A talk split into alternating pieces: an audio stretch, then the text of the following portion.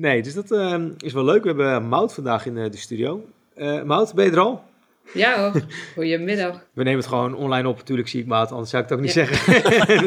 dus, nee, nee, stukje acteerwerk. Ik zou je een Oscar geven, ja. Bart. Dankjewel, Arna. Ja, misschien toch een andere carrière move die ik moet, uh, moet overwegen. Dus, uh, nee, Marijke die kwam er een uh, paar weken geleden mee. Die zei van, uh, volgens mij is Mout eigenlijk ook wel een inter interessante gast om in de, de show een keer te gaan vragen. Ja. Omdat we natuurlijk heel vaak hebben gehad over de Nutri-score en ook over allerlei beleidsdingetjes van de staatssecretaris. Mm -hmm. En over, ja, ook met Jaap, hè, in Broodje Jaap hebben we het ook wel eens gehad over de nationale aanpak productverbetering. Ja. En toen zei Marijke van, nou, Mout is er ook mee bezig vanuit haar professionals communicatieadviseur. Ja, vanuit het ministerie had ze een opdracht gekregen om dingen te gaan doen. Dus toen dacht ik van nou, laten we Mout gewoon vragen. En zo geschieden. Here she is.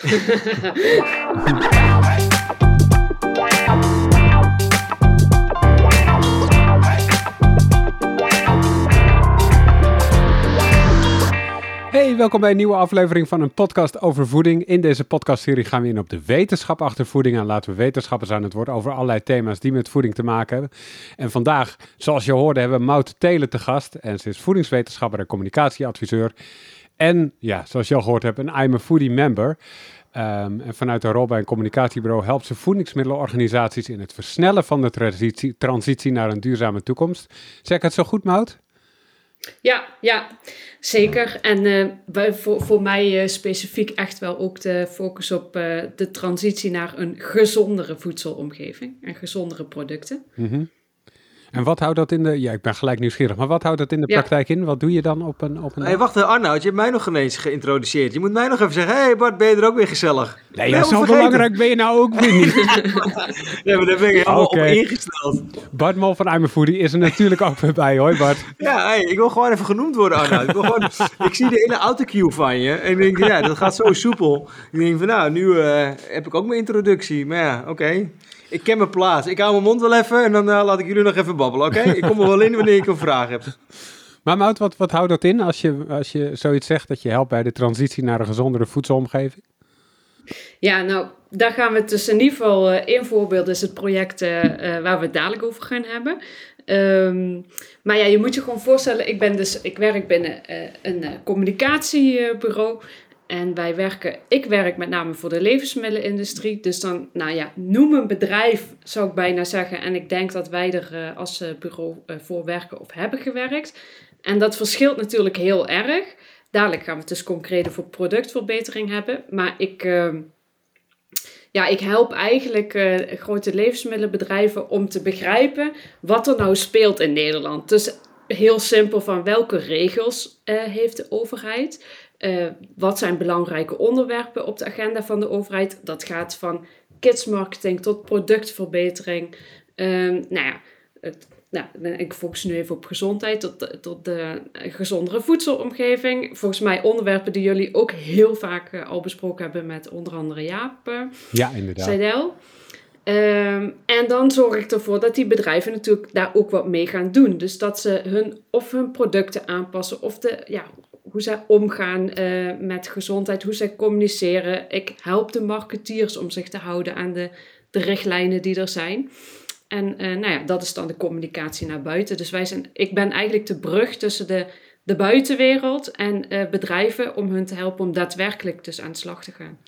En ik denk dat je in je werk de nodige frustraties tegenkomt rondom voeding. dus laten we daar even beginnen. Wat, wat heeft jou gefrustreerd de afgelopen tijd? Nou, ik heb het, uh, ja, het is, ja, het is mijn werk ook wel niet. Nou, ik heb uh, zelf een, nu een, een ik heb twee kinderen en een babytje van zeven maanden. En ik geef borstvoeding. En ik had het laatst met iemand over die, nou, precies mij volgt. Dus die heeft ook, wij zijn tegelijk. Zij heeft ook een babytje van zeven maanden. En zij werkt bij een groot bedrijf. En ze, dat, in we hebben het over anno 2023 het was voor haar gewoon niet mogelijk om op een fatsoenlijke manier te kolven. En dat kan ik gewoon, daar kan ik gewoon niet bij. Dat, dat is echt mijn frustratiepunt. Zeker bij grote bedrijven die uh, faciliteiten en mensen hebben om dat te organiseren.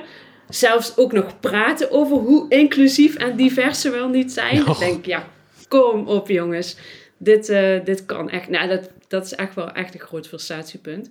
Eh, want ja, goed, we hoeven het niet te hebben over eh, de, hè, borstvoeding en gezondheid. Ja. Ehm, wil niet zeggen dat kunstvoeding niet gezond is. Maar hè, eh, dit eh, eh, lijkt me toch wel een makkelijk op te lossen puntje. Dus dat was wel even een frustratie. Op jouw werk is het wel goed geregeld? Perfect, ja. Voordat ik dadelijk echt een heigende manager ben. Nee, maar het is echt... echt Ja, ik zie, ik zie dat je thuis zit nu. Dus eh, Ja, volgens mij ja. is dat met een reden dat je eh, nog even een paar maanden thuis werkt. Nee, morgen ben ik er weer hoor, op kantoor. Want dan heb je gewoon een aparte eh, eh, kolfruimte waar je gewoon Ja. rustig kan zitten. En eh, Ja, precies. ja, Met eh, alles hoe het moet, hè. Met eh, een stromend water, een koelkastje, een lekkere stoel, de deuren kunnen dicht, niemand kan naar binnen kijken. Nou, dat soort dingetjes. Je Ja. hebt tegenwoordig ook toch van die, eh, die compatible, hoe noem je dat? Ja, van die die, dat draad, die eh, Ja. draadloze Ja. dingen. Dat lijkt me nog wel een stuk makkelijker. Kan je gewoon nog doorwerken. Oh, die, Dus- oh, die kolf! Nee, ja, de dat kolf ja, is draadloos, ja. toch? Dan, die, die, Maar dan kan je je- gewoon- die kan je erop Ja. zetten en dan kan je- heb je gewoon je handen vrij. Kan je gewoon doorwerken. In ieder geval, Ja, eh, doe nou efficiënt. Ik denk niet dat het. Ik denk bijvoorbeeld niet dat je er een podcast mee kan opnemen. Dat klinkt heel raar, maar. maar ja, ja. We Maar kunnen een test doen. Zo is dat het zoemende geluid. Ja. Ja. ja, maar ik snap deze frustratie. Want dit zou inderdaad zeker bij grote bedrijven al lang opgelost moeten Ja. zijn.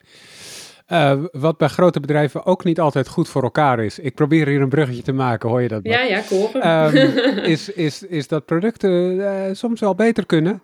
Daarvoor hebben we natuurlijk de nationale aanpak productverbetering. We hebben het er al eens over gehad. We hebben de naam al laten vallen. Maar wat is het eigenlijk? Waar staat het precies voor? Nou, heel simpel gezegd. Het is gewoon een, een eh, nou ja, aanpak om het eh, zout, suiker en verzadigd vetgehalte in onze voeding omlaag te brengen. En het vezelgehalte omhoog. Hè? Dat, want vezels zijn goed, dus daar wil je het liefst zoveel mogelijk van eten. Ehm, dus dat is het echt heel simpel eh, eh, gesteld. Ik, ik denk eigenlijk dat, dat jullie het, deze NAPV, laten we het zo noemen, want het zijn echt tongbrekers, deze afkortingen. Dus in het veld noemen we het NAVP. Ehm, eh, ik denk dat jullie hier alles over hebben gesproken in het kader van het Nationaal Preventieakkoord. Ja. Ook een tongbreker. Ehm, en dat, is, dat is jullie bekend, toch? Volgens mij hebben jullie hier al Ja. veel meerdere... Ja, dus het- de NAVP is een onderdeel daarvan. Dus met het Nationaal Preventieakkoord wordt eigenlijk een poging gedaan. En ik ga ervan uit dat we dat met z'n allen gaan halen. Om eh, het percentage overgewicht eh, terug te brengen naar het niveau van 1995. Dus ja, dan moet je echt flink omlaag. En overgewicht is echt, ja, het is gewoon een veelkoppig monster. Dus dat Maar waar, waar, waar, zitten we dan, waar zitten we dan op? Even kort een percentage dan. Eh, waar zit dan nu dat overgewicht op? Welk percentage? Ja, bij volwassenen ja, 50% en het moet terug naar 38. Nou, Oké, 38 maar- is denk ik nog steeds veel, maar En oké, maar, maar volwassenen dan hebben we dus over 18 jaar en ouder. ja, Eh, dat is nu 50%. En ongetwijfeld zal er in bepaalde eh leeftijdscycli of de dingen zal wel wat eh, aanpassing of wat, wat, wat variatie zijn. Tussen 20 en Ja. de 30 zal weer anders zijn dan tussen de Ja. 50 en de 60. en dan ja. 1995, hebben ze dat dan aangehouden omdat ze die 38% als realistisch houden? Of is daar een ander linkje mee met 1995? Nou, dat is eigenlijk best een goede vraag. Ik denk dat dat inderdaad een realistisch percentage, of dat dat wordt gezien als een realistisch percentage. Ja, Denk ik Oké, oké, maar in ieder geval, eh, dat is Ja. dus eh, een onderdeel. Dus dat eh, het obesitascijfer moet, moet naar beneden. En dan Ja, is de NAPV is daar een klein substukje van binnen het preventieakkoord. ja precies. En nou ja, daarmee probeer je dus het aantal hè, calorieën dat mensen eten naar beneden te brengen. Zout is natuurlijk niet, dat heeft niet per se calorieën, maar eh, dat heeft weer relatie met eh ja, welvaartsziekten. Ehm, dus eh, dat is een belangrijk nutriënt om ook verder te verlagen, want we eten gewoon veel te veel zout met z'n allen. Ja, We moeten naar 5 gram, volgens mij zitten we boven de 7 nu, dus zelfs 9. Dus, ja, per persoon dat, per dag, wat ze, wat ze binnenkrijgen. Ja, ja, ja, en wat heel Dus- geleidelijk gaat natuurlijk bij mensen. Dat ze een koekje eten en dat ze helemaal geen benul van hebben dat daar ook gewoon significant zout in zit. Bijvoorbeeld, sommige dingen zijn obvious, andere wat minder inderdaad. ja. En hoe, hoe moet dat gaan gebeuren dan? Worden producten aangepast? Gaan, gaan alle producenten met elkaar om tafel zitten en zeggen: Oké, we doen er gewoon allemaal 30% minder zout in. En dan proef je het niet. En als je het wel proeft, dan een ander product heeft dat toch ook dan? ja, nou ik ga proberen heel uh, simpel uit te leggen, want het is natuurlijk niet simpel. Um, dus je hebt die aanpak voor productverbetering. En die, de overheid, dus het ministerie van VWS, uh, dat is uh, Volksgezondheid, Wel, Welzijn en Sport, die hebben daar de regie over. Dus die hebben samen met onder andere het RIVM en experts van de HAS uh, Hogeschool um, en het voedingscentrum, hebben die, en dat is al jaar, dat is zeg maar begonnen in 2020, hebben zij criteria opgesteld als start, zeg maar. Dus er zijn nu, um, even kijken, iets van 14, nu twijfel ik even, 12 of 14 productgroepen en daaronder hangen 61 subgroepen. Dus je hebt bijvoorbeeld koekjes en dan heb je nog wat specificaties uh, daaronder. Um, nou, en per uh, uh, subgroep heb je grenswaarden. Dus je hebt hoge grenswaarden, middengrenswaarden en laag. Dus heel, bijvoorbeeld een, ik wil brood. Nou ja, brood is niet goed voorbeeld, want, nou, want daar heb je een convenant voor bakkerszout voor. Um, we pakken een koekje. Daar heb je dus grenswaarden, um, uh, voor, hoge grenswaarden voor bijvoorbeeld suiker. Dan heb je een midden, middelste grenswaarde en een lage. En doordat je drie grenswaarden hebt, krijg je vier treden, vier categorieën. Dus iets wat boven hoog zit, iets wat tussen een trede die tussen hoog en middel zit, een trede die tussen middel en laag zit en onderlaag. En dat heb je dus voor suiker, zout, verzadigd vet en voor vezels. Nou, dat is de basis. En dat is uh, uh, om die cijfers te bepalen, die grenswaarden te bepalen, is gekeken door middel van met onder andere de voedselconsumptiepeiling. Hebben jullie vast ook wel eens voorbij horen komen. Mm Wordt door het RIVM uh, gemonitord. is gewoon bepaald, oké, okay, um, hoe eten Nederlanders? En waar staan we? En dan combineer je dat weer met data uit de levensmiddelendatabank. En die wordt bijgehouden door het voedingscentrum. En dan, nou ja, dan ga je daarmee rekenen en dan komen daar grenswaarden uit. En dat is de basis. En vanaf daar gaat iedereen vertrekken. En die zijn in februari 2022 bekendgemaakt. En dat is eigenlijk het start zijn geweest. Uh, is, is het start zijn geweest om ook, daar kom ik dus in beeld, te beginnen met een communicatiecampagne richting iedereen in Nederland die levensmiddelen produceert. Dat zijn, zijn wel echt 5000 producenten, is de schatting dat er zijn. Nog even een pauzevraag, uh, want kijk, ja. dat betekent dus in 2000 is zij dus die partij, de Has Hogeschool, Voedingscentrum, RIVM, ja. bij elkaar gezet. Die hebben dus die grenswaarden met elkaar bepaald. Die zijn dus ja. in februari 2022, hebben ze dat bekendgemaakt. Zit er in die tussenperiode dan ook nog lobbywerk vanuit de industrie of andere... Uh, stakeholders om invloed uit te oefenen op die grenswaarden? Of is dat vervolgens gewoon vastgesteld, opgelegd van dit is het? En het is dan aan de industrie om ja. te kijken hoe ze daarmee omgaan. Nou, dat is een goede vraag. Want in die tussen... Ik dacht, ik sla door, het wordt veel te ingewikkeld. Maar dat is inderdaad een goede vraag. In die twee jaar is, is dat is samen in overleg gegaan met uh, stakeholders. Waaronder, uh, maar ook gezondheidsfondsen. Hè? Uh, ook uh, experts, maar ook de industrie zelf. Dus er zijn de hele tijd sessies geweest, die zijn georganiseerd door het ministerie, om samen die subgroepen en die productcategorieën te bepalen en uh, te kijken of grenswaarden realistisch zijn. Want kan je bijvoorbeeld, dan zijn er bijvoorbeeld discussies of je wat je moet doen met de verhouding verzadigd vet, onverzadigd vet, of bepaalde subgroepen bij elkaar moeten of niet. Nou ja, beetje. Ja, en okay, maar, we, ja, maar zonder dat we te veel op details ingaan wat precies die grenswaarden zijn. Wat is jouw mening ten, als, uh, in de rol van voedingswetenschapper over die grenswaarden? Vind je ze heel uh, ambitie uitspreken? Of zijn ze door de stakeholder gesprekken heel erg nog gedownsized? Ik bedoel, zijn ze ooit begonnen met de grenswaarde 10 en ze zijn uiteindelijk afgezwakt tot uh, 3?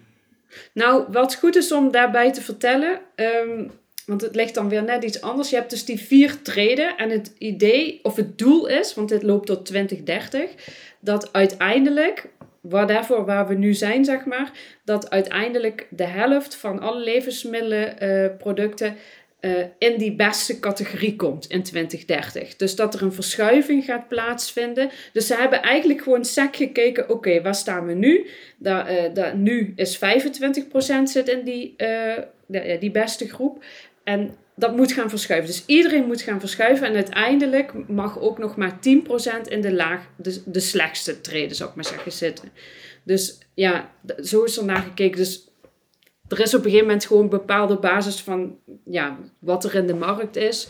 Oké, dit is nu hoe het is. En we willen gewoon dat de boel gaat schuiven. Dus dit zijn de waarden. Jawel, maar ik bedoel, die, die, ja, toch ga ik een beetje de theorie. We gaan zo verder hoor, Arnoud. Ik zit even op mijn vraagstoel.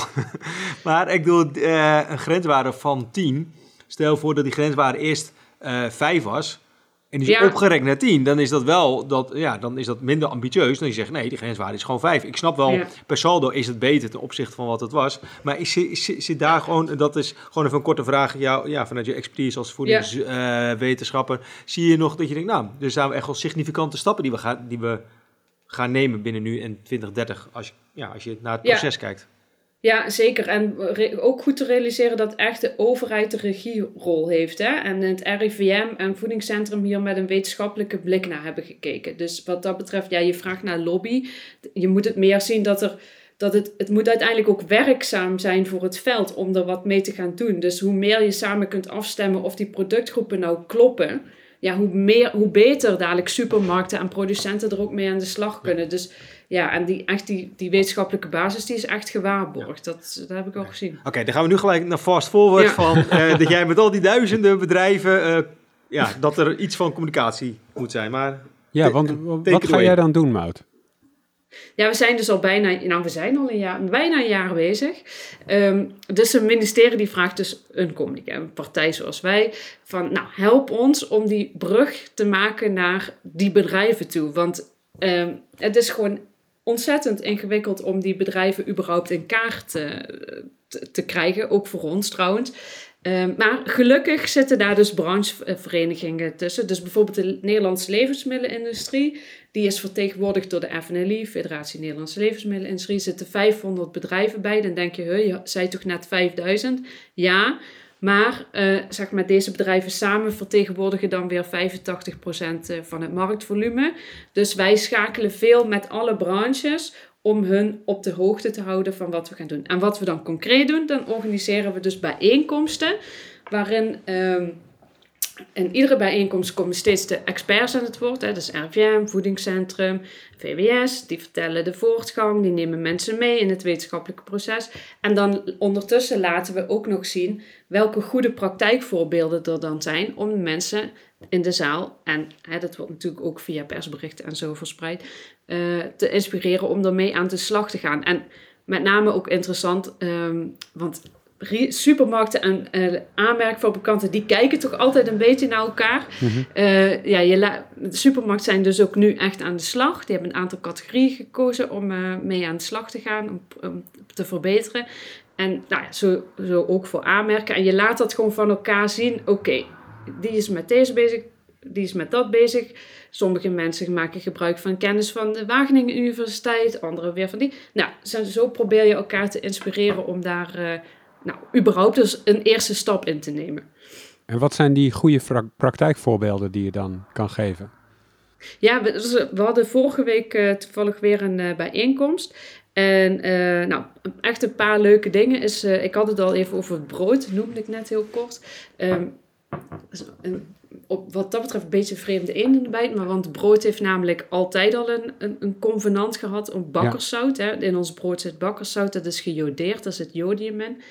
En zij zijn nu ook met de hele sector, maar echt iedereen, hè, dus industriële bakkers, ambachtelijke bakkers, grondstoftoeleveranciers, zijn zij aan het kijken of ze het natriumgehalte in bakkerszout kunnen verlagen. Want mhm. ja, natrium is zeg maar de, de baddie uh, als het gaat om gezondheid. Um, en uh, dat is heel interessant hoe ze dat hebben gedaan, omdat ze, dat heet dan, ze zijn de keten ingegaan, ze hebben alle partijen meegenomen. En ze betrekken daar ook bijvoorbeeld het ministerie bij het RIVM, noem maar op, om te kijken wat ze kunnen. En als het goed is, is er dus volgend jaar, maar goed, you never know, want dat is best toch wel ingewikkeld in de praktijk, een nieuw bakkerszout, waardoor wij allemaal misschien wel 30 tot 60 procent minder natrium binnenkrijgen via brood. En brood is echt de grootste categorie of productgroep hè, die bijdraagt aan onze zoutinname. Dus dat is een voorbeeld. Ja. Maar is dat ook niet een voorbeeld van een beetje laaghangend fruit? Want dat jodium, dat heeft toch ook te maken dat we toch juist jodiumtekorten hadden in Nederland. Dat dat toch juist de makkelijkste manier was om ervoor te zorgen dat de grootste groep op die manier. Dus dan klinkt Ja. het voor mij, ja, het is oké, interessant dat ze het doen. Maar heb je ook dan een voorbeeld van, eh, ja, misschien productgroepen of, ja, niet, we hoeven niet naam en toenaam eh, te horen van welke, wat, eh, wat het beste jongetje of het slechtste jongetje van eh, de klas is. Maar zie je gewoon een bepaalde ja, tendens of zo dan? Van, ja, dat ze het ook echt willen of dat ze zeggen van... Ja, Als ik bijvoorbeeld bij sommige productgroepen gewoon nog in de supermarkt loop en kijk naar die etiketten, dan denk ik, ja, ik zie alleen maar suiker, suiker, suiker, bloem, ja, zetmeel. En denk ik van ja, er zit weinig vezel, komt, komt er binnen met dat product. Ja, nee, klopt. Vergeet niet dat, eh, dat dus 70 partijen in 2018 dat Nationaal Preventieakkoord hebben ondertekend. Hè? Dus het is echt in ieders belang. Het is sowieso niet in, een, in het belang van een producent om, om Nederland te vergiftigen of whatever, want eh, dan hebben ze geen afzet meer. Ehm, maar eh, zeker, en ik zie, eh, ik zie zeker dat daar. eh, en, oh ja, en dat wilde ik ook nog zeggen. Het is net begonnen. Hè? Dus we, vorig jaar zijn die criteria ehm, eh, ehm, ja, gepubliceerd, dus die grenswaarden. En ondertussen, nou, dat is weer een brugje naar iets wat jullie ook al vaak besproken hebben, is Nutri-Score natuurlijk recent. aangekondigd door de staatssecretaris dat dat ons nieuwe voedselkeuzelogo wordt. En wat je dus in de praktijk zag, is dat levensmiddelenprocenten en supermarkten toch wel een beetje hebben gewacht van nou gaat dat nou wel of niet gebeuren? Want de afkappunten van Nutri-Score, ik probeer het echt niet te technisch te maken, maar die worden nu dus in lijn gebracht met de grenswaarden van het NAVP. Waardoor dus Nutri-Score ook als een, eh, een, ja, een tool, zeg maar, een, eh, voor productverbetering kan gaan, gaan dienen. Dus dat heeft niet met elkaar te maken, maar ook weer wel met elkaar Maar te hoe, maken. hoe, eh, hoe, hoe- hoe moet ik dat zien dan? Want ik was toevallig afgelopen week ook aan het go- googlen naar de Nutri-score calculator. Maar bij het voedingscentrum, bij RIVM, ik heb het nergens kunnen vinden. Ik heb alleen een Franse versie kunnen vinden, maar mijn Frans is niet dermate goed dat ik dat getal... dat, ja. Nee, dus toen dacht ik wel van, ja, heel leuk, maar ik heb nergens, in ieder geval niet op de betrouwbare sites, dan Ja. Dat kunnen vinden. Dus ehm, Ja, dat klopt, dat klopt. Want die grenswaarden en die afkappunten zijn nog niet in lijn gebracht. Dat verwachten ze eind juni. Dus jij bent gewoon veel te snel de hele tijd, Bart. Jij denkt van, eh, oké, er is een akkoord. Morgen zijn er nieuwe producten. maar- Zo werkt Daarom maar- heeft het dus ook tien jaar. In lo- Is de looptijd tien jaar, hè? Ja, oké. Nou, ze zijn nog niet heel, heel nou, in ieder geval, die grote bedrijven zijn misschien wat, eh, wat, wat langzamer in hun processen. Nee, maar ik, bedoel, ik was het namelijk voor onszelf aan het zoeken. We hebben natuurlijk een granola, de I'm Food, die Ja. 100%, 100% verkoren granola. Toen was ik eigenlijk ook gewoon benieuwd van, ja, welke score heb ik dan? Ik bedoel, het is natuurlijk binnen je productgroep. Maar toen was ik aan, het googlen en ik kwam er niet uit. Dus ik dacht van, oh, nou, misschien kan het nog niet. Of eh, ben ik even te vroeg. Ja. Maar, nou ja, ehm, dit nieuwe algoritme is natuurlijk nu ook gepubliceerd. En die worden ook nog met elkaar in lijn gebracht. Dus ik zou sowieso even wachten. Eh, dan eh, kun je in juni helemaal eh, goed aan de slag. Maar ik wou nog even terugkomen op iets wat je net een paar minuten geleden zei, Mout. En je zei dat voedselproducenten niet belang hebben om ons te vergiftigen. Maar wat we in deze podcast wel vaker hebben gehoord, is dat ze er wel belang bij hebben om veel suiker, zout en vet in hun producten te stoppen. Want dan vinden we het lekkerder en dan verkopen ze er meer van. Hoe, hoe- merk je iets van die, ehm, van die eh, zeg maar, tegengestelde belangen? Want dat, dat is natuurlijk wel een spanningsveld waar je dan op zit. Ja, zeker. Nee, ben ik met je eens. En, en anderzijds, ehm, ja, tuurlijk, dat is een spanningsveld. En anderzijds is dit gewoon een afspraak die ze met elkaar hebben gemaakt. Dus die eh Nationaal Preventieakkoord, maar ook dat ze nu aan de slag gaan. En eh, ver- productverbetering vindt altijd plaats. Hè. Hiervoor had je het eh, AVP, het Akkoord Verbetering Productsamenstelling. Dat was dan het initiatief, ehm, of de regie lag daar bij de industrie zelf. Eh, nou, het is toch ook aardig wel wat dingen verbeterd. Alleen de vraag is natuurlijk, en dan kom ik wel bij Bart, die wil snelheid zien. Snap ik ook heel goed. Eh ben ik ook eigenlijk wel voor. Of daar ben ik gewoon voor. Eh, maar ja, die dingen zijn best wel ingewikkeld. En nu met een, als dan weer een nieuwe partij de regie neemt, dan, ja, dan heeft dat weer even wat inregeltijd nodig. En dat is niet drie maanden, maar dat is twee, drie jaar. Maar goed, nu kunnen ze wel echt van, van start. Ja, maar even gewoon even een concreet voorbeeld. Ehm, misschien heb jij een beter voorbeeld hoor, maar ik ben fan van eh, chips. Eh, cheese onion vind ik hartstikke lekker. Nou, er zit volgens mij best wel alle dingen in. Eh, zout, nou ja, het is het. zout, verzadigd vet, et cetera. Dat is hartstikke lekker. Maar wordt dat product dan door de jaren heen, tussen nu en eh 2030, 2030. wordt ja. dat dan substantiefelijk wordt dus anders? Dus minder van hetgeen wat erin mag zitten. Ja, precies. En, ehm, En het idee dus achter, dit, eh, achter deze aanpak is dat iedereen meedoet. Omdat de overheid dus de regie heeft. En uh, tuurlijk, je zult altijd hebben dat het voor het ene chipje makkelijker is om minder zout erin te stoppen dan het andere. Maar het idee is dat uiteindelijk dat je in die categorie verschillen gaat zien. Ja. Dus dat iedereen tegelijk daarmee aan de slag gaat. Maar is dat uh, vrijblijvend? Is er handhaving? Zijn er boetes? Uh, ja, goede vraag. en, is er een stok? Want ik, kan me, ja, ik snap het wel dat de ene grote producent die heel veel verschillende producten heeft, dat hij ook naar zijn, naar zijn collega gaat kijken. Ja, als jij het niet doet, ja, wacht ik ook nog even. Want feit is, heb ik straks een uh, Uber uh, gezonde chips die misschien toch ja, smaaktechnisch anders is dan ja, de oldschool chips die ik nu nog heb. Ja. Ik kan me voorstellen dat ze daar concurrentietechnisch ook denken. Nou, ik kijk eerst naar, naar, naar mijn buurman.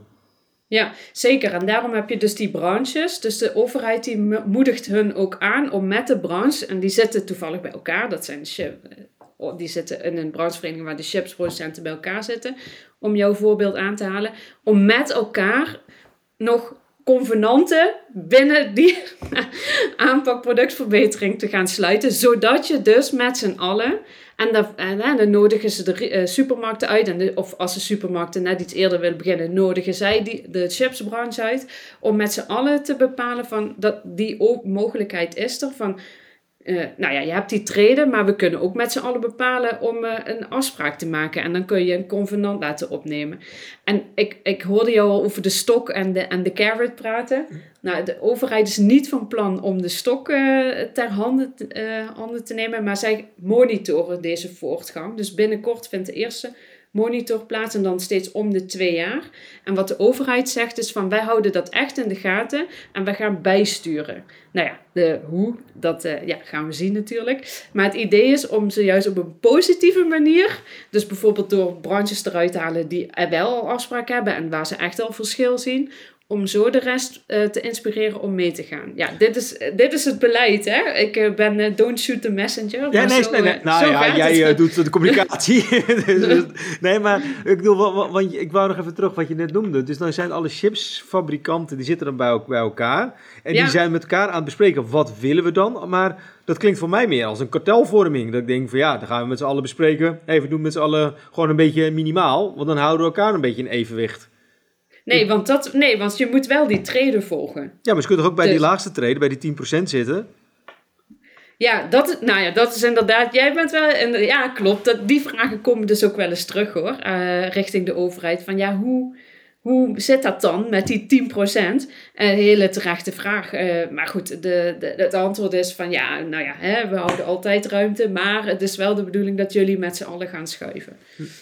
Oké, nog even, sorry Arnoud. Ehm, want ehm, het staat me ook bij dat we, denk ik, nou, misschien een jaar of 10, 15 geleden, uh, hadden we toch ook nog een soort van een trendontwikkeling. Waar opeens werd het allemaal leidproducten werden gemaakt. Dat je de pindakaas en de ja. leidpindakaas. En toen was het opeens was het allemaal leidproducten, want leid was dan de gezonde variant. Ja. Uh, kan je ons daar nog even terug mee in het verleden nemen en naar de toekomst? Of die vergelijking, of misschien is het geen goede vergelijking. Maar in ieder geval toen hadden mensen het beeld van, ik kies voor die leidpindakaas. Alleen, ja, toen bleek hij uiteindelijk qua ingrediënten, bleek hij uiteindelijk Meer ongezond, ja, van ja, ongezonder te zijn dan het origineel. Dus dan stond het ook een beetje haaks op elkaar. Er werd er weer een marketingspelletje mee eh, gespeeld. Nee, klopt. Ja, zo gaan die dingen. En dat zijn dan trends. Hè? En dan denken marketeers, oeh, dit moeten wij ook. En uh, nou mogen de productontwikkelaars aan de gang. En die vinden dat helemaal fantastisch, want die mogen technisch, uh, technisch bezig. En ondertussen ontbreekt de ethiek. Ja, ik kan je volgen. Maar het, dit akkoord zegt dus de, ook van... Um, daar, dat wordt dus in die monitor meegenomen, dit soort dingen. Dus ze willen niet zien dat zeg maar, ik zeg maar iets, hè, het verzadigd vet, die treden dat, dat ze bij wijze van in de beste treden zitten, maar dat de uh, suiker dan uh, omhoog gaat. Daar wordt het, dat wordt in de gaten gehouden. Dus, en, ja, dit, dat, dat, ja, dus je wil eigenlijk voorkomen dat, dat trends die binnen nu een tien jaar gaan opspelen en waarin iedereen ook mee wil, dat die het aanbod verslechteren. Maar dat, dat, wordt dus, dat, dat houdt ze in de gaten. En zijn er nog, uh, we praten nu 2023, het einddoel is dus 2030. En ja, is dat een soort van exponentiële groei of ontwikkeling die we daarin hebben, dat we eigenlijk al misschien in 2028 al heel ver zijn en die laatste twee jaar is voor die laatste paar procent? Of ja, hoe, hoe, hoe zit die uitrol of welke ontwikkeling mogen we nu gaan zien?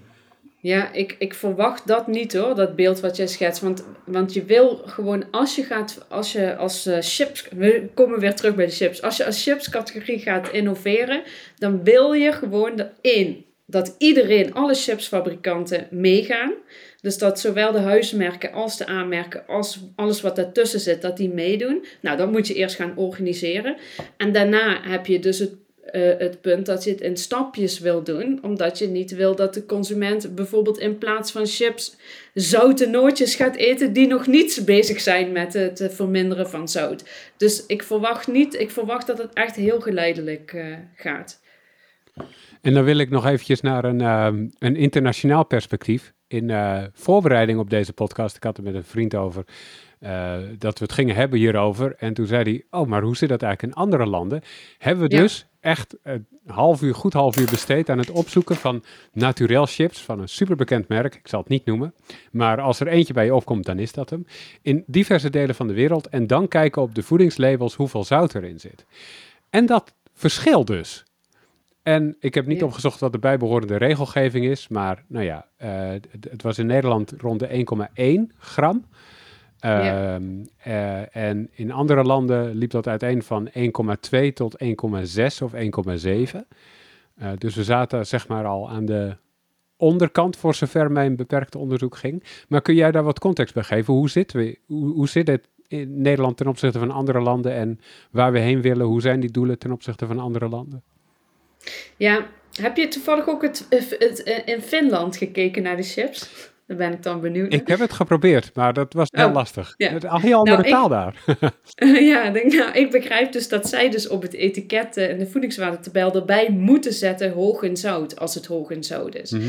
Dus waarmee ik meer wil aangeven, dus ik, ik, ik snap je vraag, alleen het is, en ja, ieder je land is ermee bezig, maar echt ieder iedereen op zijn eigen manier. Dus ik heb een paar voorbeelden even om een gevoel te geven van hoe iedereen dat aanpakt. En dan, dan daarnaast is natuurlijk jouw vraag: hoe kan het dat wij relatief laag zitten en anderen hoog? Ja, dat is ook weer een. Soms worden uh, nutriënten aangepast naar de smaakbeleving eh, van een bepaald land. Maar bijvoorbeeld in Finland zou er dus dat bij moeten uh, staan, waarmee ja, blijkbaar uh, het resultaat is geweest dat zout echt wel vermindert.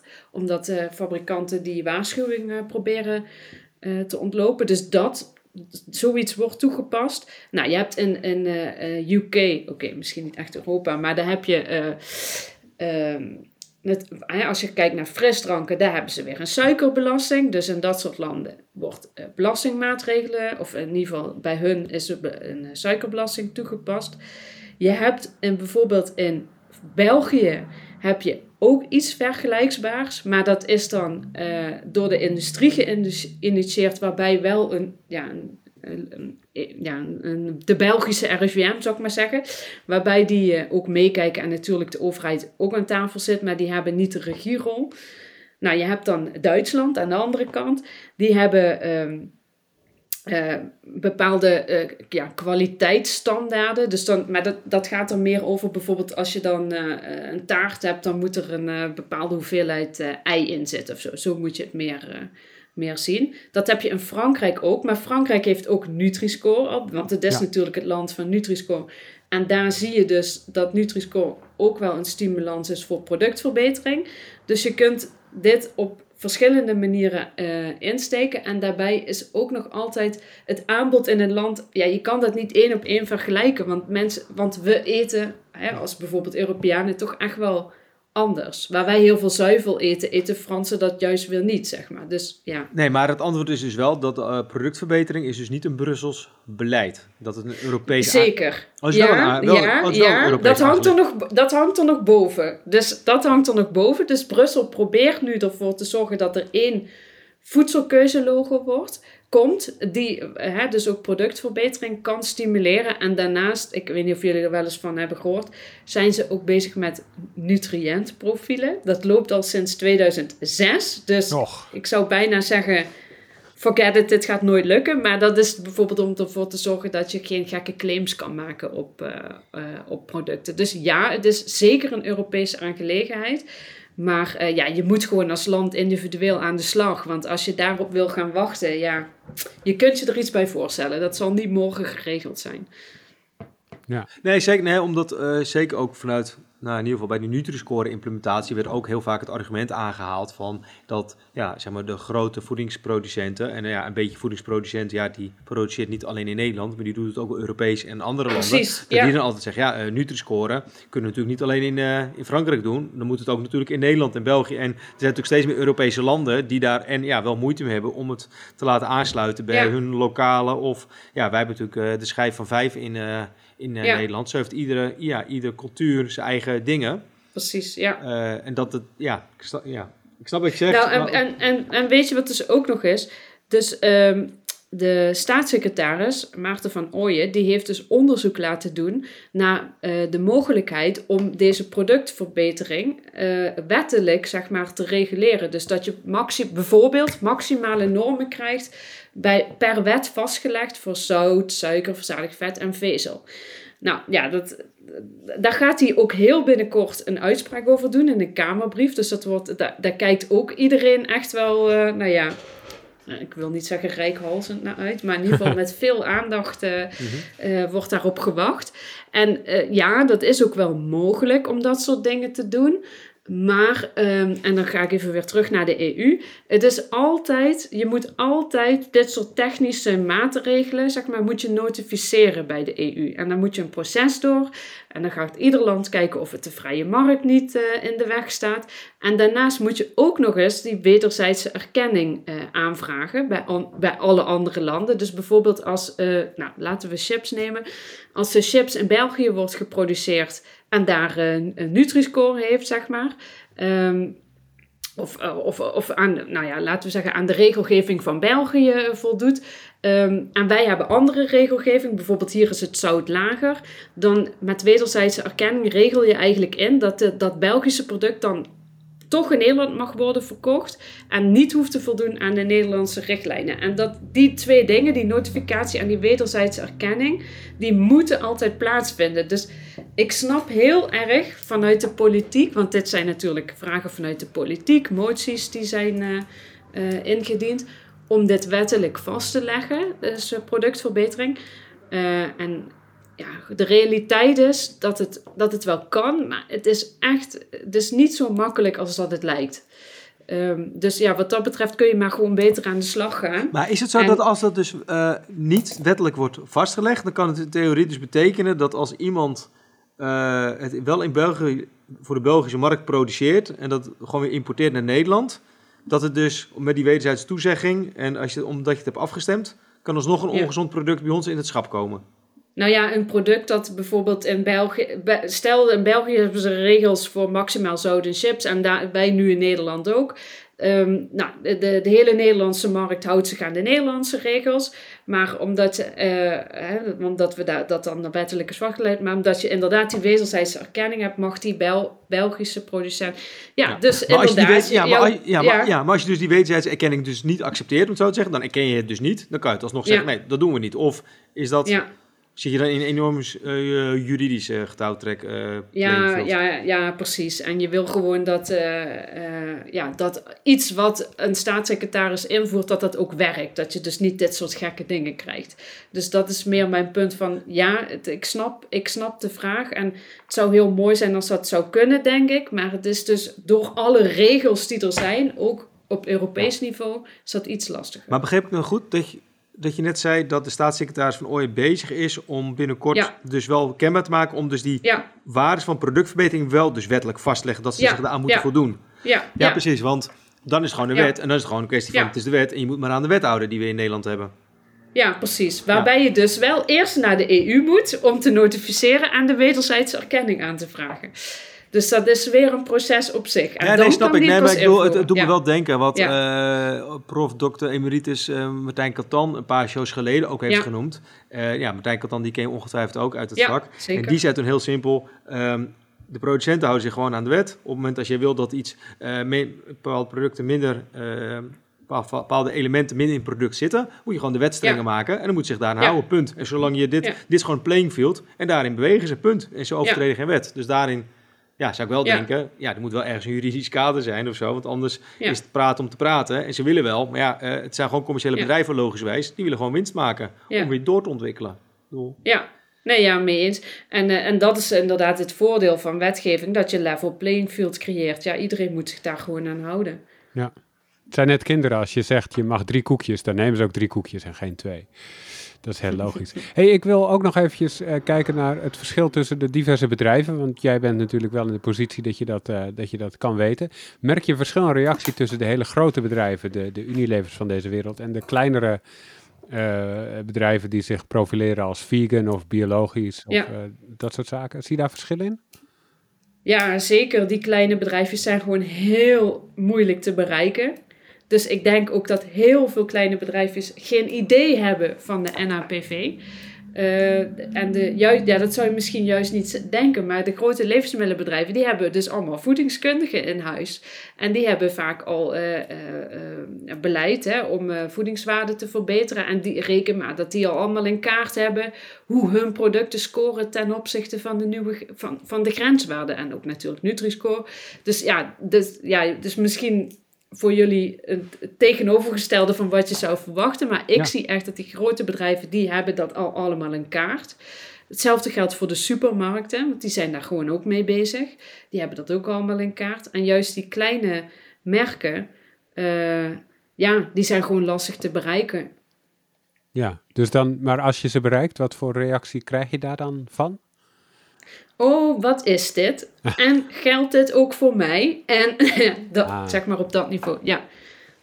En ja, dat, het geldt voor iedereen. Nee, Ja. nee, en ja. Maar goed, het is ook pas een jaar.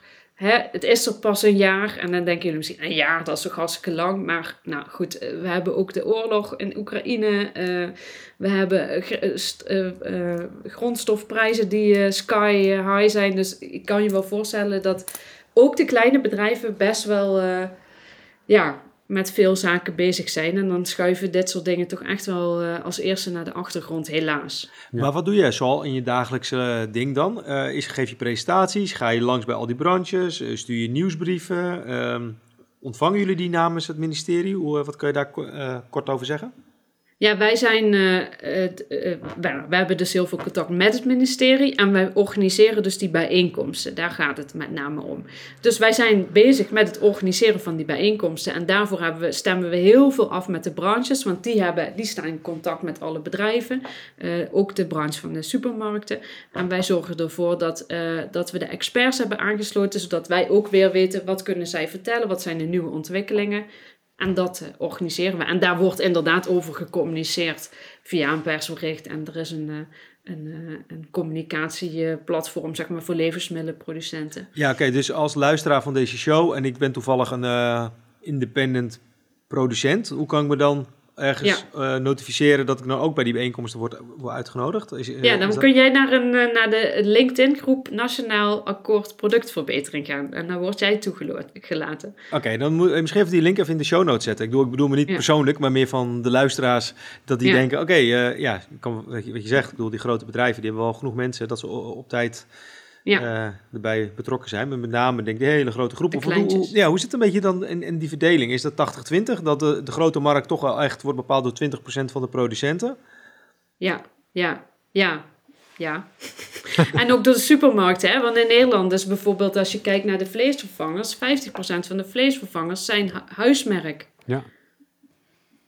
Dus ja, dat is in Nederland ook een, een, een Maar wie, enorm... eh, de, de supermarkten zelf zijn dan niet de producenten toch? Die plakken alleen hun eigen etiket erop. Ja, oké, maar zij, geven, zij brieven zeg maar wel de producenten van hun Ah. producten. Dus zij zijn wel de- verantwoordelijk. Ja, het is gewoon private en- label. Ja, en je ziet dus ook dat de supermarkten zijn dus aan de slag. Die zijn dus nu bezig met vleesvervangers als eerste categorie, met plantaardige dranken en met ontbijtgranen. En eh, die, eh, die eh, nodigen dus ook A-merkproducenten aan tafel uit om samen te gaan kijken van oké, maar hoe gaan we dit aanpakken? Waar staan we überhaupt? Dat is vraag 1. Eh, daarvoor heb je het voedingscentrum nodig. Die moet dus die data uit de levensmiddelendatabank aanleveren. En dan kun je gaan kijken waar staan we en waar kunnen we naartoe als je de grenswaarde dus ernaast legt. Yes, dit lijkt me een goed moment om jou te vragen naar ja, praktische tips waar uh, onze luisteraars iets aan hebben als ze uh, de podcastspeler weer afsluiten. Heb jij die? Zeker. Ah, vertel. nou, daar komt mijn hoofdtip. Stem voor verandering. en, is dit een politieke, in de zin van politieke partij? Want je verwacht dat we binnenkort een, ja. moeten gaan stemmen. Oké, okay, dit is een stemadvies, nee. Arnoud. nee, het is geen stemadvies, maar uh, nou, het valt mij altijd op tenminste, dat is mijn gevoel, dat mensen dus niet doorhebben, uh, of in ieder geval beter door zouden kunnen hebben, uh, hoe extreem grote invloed de politiek heeft op, op hoe wij eten. En de producten die in de winkel uh, liggen, het beleid, de voedselomgeving, de marketing, noem maar op. En, en, en het valt mij op dat, ieder, dat er best wel veel altijd over gemopperd wordt. Hè? Van, uh, oh, er zit zoveel suiker in en zout. En, maar ondertussen stemt heel Nederland... Ja, nou, maar noem dan even, uh, en, en, ja, maar noem dan even man en paard. Welke politieke partijen zij hebben dan een, uh, zijn dan pro-gezonde voedselkeuzes... slash ja, strenge wetgeving voor producenten... dat we gewoon een gezonde productaanbod hebben? Nou, dan moet je even naar mijn blog gaan voor I'm a Foodie. voor de laatste verkiezingen heb ik daar op rij gezet voor elke politieke partij wie wat zei over voeding. En ik zou jullie ook zeker aanraden dat als we weer een keer gaan stemmen, dat jullie een podcast maken over politieke partijen en hun beleid. Uh, omtrent uh, voeding. En uiteindelijk, ja, uh, dus ja, nu kan je, kan dat beter de volgende keer beginnen. Want nu, we zitten nu gewoon waar we zitten, zeg maar. Dus voor de volgende keer weet iedereen dit. Stem voor verandering. Het wil, ik wil niet zeggen dat er nu niks gebeurt. Dat is absoluut niet waar. Maar als je een versnelling wilt aanbrengen, zul je toch de politieke wind mee moeten hebben. voor, nou ja, om dat iets te pushen. En dat geldt op alle terreinen natuurlijk. Ja. Niet alleen voor voeding. Duidelijk. Nou, ik heb nog wel wat, wat tips. Komt-ie. Eet gevarieerd en met mate. Tip 2. en tip 3. Denk gewoon logisch na. Want een koekje is een koekje. En dat weet iedereen wel. Dus het is niet de bedoeling dat je die hele rol opbeet of die hele zak. Nou, kan je wel doen. Maar ja, dat heeft consequenties. Het is wel lekker, hè? Dus uh, ja, ja, dat wel. Ja, ik ben zelf meer van de Franse kaasjes, maar okay. uh, ja, daar moet je ook niet te veel van eten. uh, Mout, voordat je doorgaat naar uh, je tip nummer drie, was ik wel even benieuwd, want die blog heb ik even snel bijgezocht. Die komt uit oh, ja, 2021. Ja, ja dat was de laatste verkiezing, ja. Ja, even kijken, de, de BBB die, was het uiteraard toen nog niet. Zijn er ook nog verschuivingen gekomen, zeg maar? Dat zeg maar, de ene partij eerst ja, minder pro was uh, voor gezonde voeding en dan nu opeens wel die shift heeft gemaakt?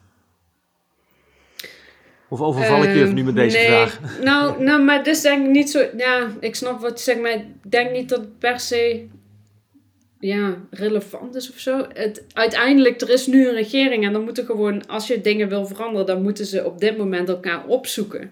Um, ik vind wel, en de, de, de, de staatssecretaris, die is van de ChristenUnie. Um, en ik ben echt wel positief verrast hoe hij uh, zich toch wel echt staande weet te houden in, uh, in dit geweld. Als het gaat om uh, nou, een gezonde voedselomgeving, verminderen van overgewicht. Zijn voorganger was ook iemand van de ChristenUnie, Paul Blokhuis.